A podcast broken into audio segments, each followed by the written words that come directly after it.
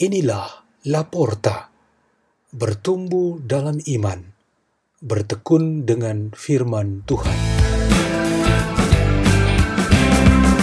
Bersama saya, Enrika Nulan, Paroki Santa Maria Baneuk Slowoleba.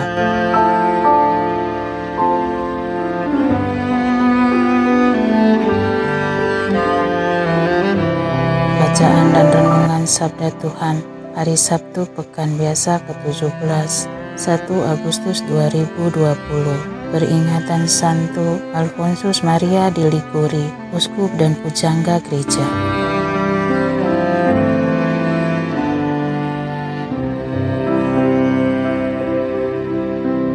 Bacaan Injil Tuhan kita Yesus Kristus menurut Matius.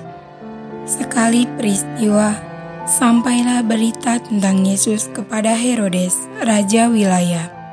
Maka ia berkata kepada pegawai-pegawainya, Inilah Yohanes Pembaptis, ia sudah bangkit dari antara orang mati, dan itulah sebabnya kuasa-kuasa itu bekerja di dalamnya.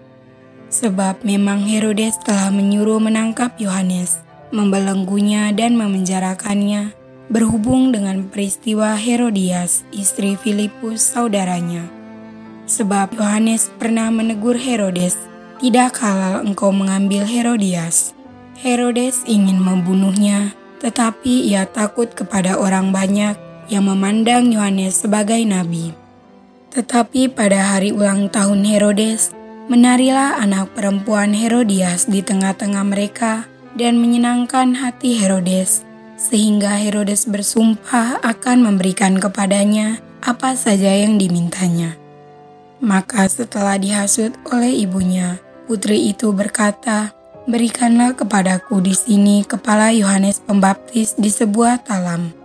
Lalu sedihlah hati raja, tetapi karena sumpahnya dan karena tamu-tamunya, diperintahkannya juga untuk memberikannya.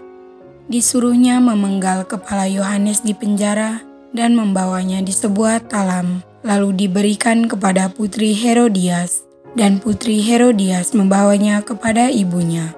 Kemudian datanglah murid-murid Yohanes Pembaptis, mengambil jenazah itu dan menguburkannya.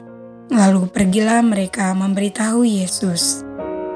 Demikianlah Injil Tuhan.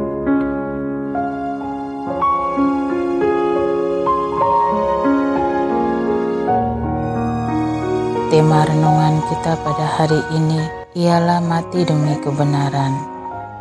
Di gerbang sebuah kota, ada patung terkenal yang bernama anak di pundak ibu untuk memberi makna kota tersebut. Pada zaman dahulu, kota itu dibela oleh seorang pemuda yang memimpin segenap masyarakat untuk melawan para musuh yang ingin menduduki kota. Meskipun kota ini berhasil dipertahankan, tetapi pemuda ini mati terbunuh dalam perang. Ibunya sendiri yang menaruh putranya di pundak, memikulnya, dan membawa ke tengah kota untuk dihormati oleh semua orang. Bunda Maria melahirkan, membesarkan, sampai menyaksikan sendiri putranya Yesus Kristus dihukum mati, lalu meniduri jenazah Yesus di pangkuannya Maria menyaksikan langsung anak domba Allah yang dikorbankan karena mempertahankan kebenaran dari pihak-pihak yang anti kebenaran. Keponakan Maria, Yohanes Pembaptis, juga lebih dahulu rela untuk dibunuh oleh penguasa jahat demi menegakkan kebenaran.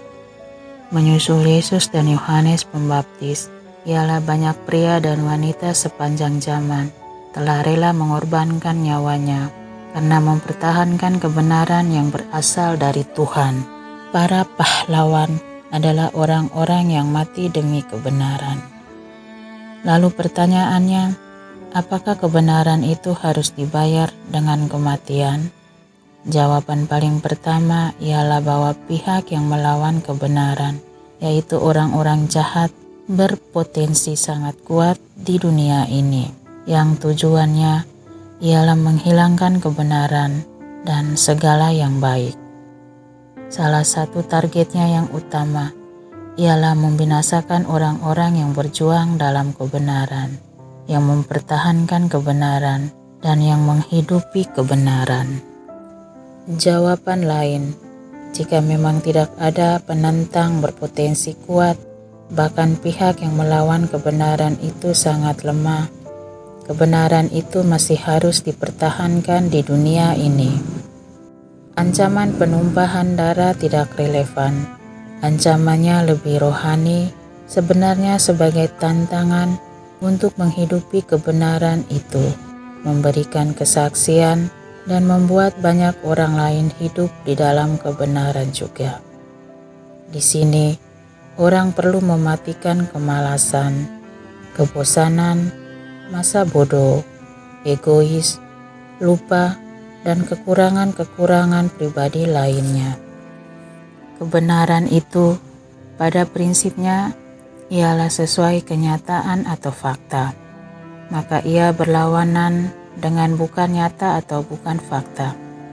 Kebenaran juga sesuai aturan, norma, moral, maka berlawanan dengan pelanggaran aturan.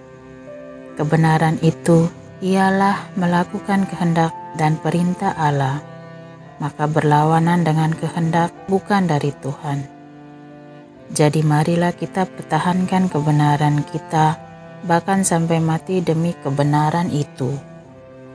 Marilah kita berdoa.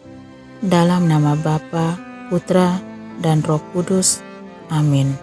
Tuhan yang Maha Kuasa, semoga usaha-usaha kami untuk mempertahankan kebenaran dan memberikan kesaksian tentang itu kepada setiap orang di sekitar kami dapat selalu berkenan kepadamu. Salam Maria, penuh rahmat Tuhan sertamu.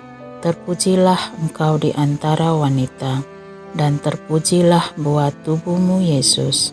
Santa Maria, Bunda Allah, doakanlah kami yang berdosa ini, sekarang dan waktu kami mati. Amin. Dalam nama Bapa, Putra, dan Roh Kudus. Amin. La porta, la porta, la porta.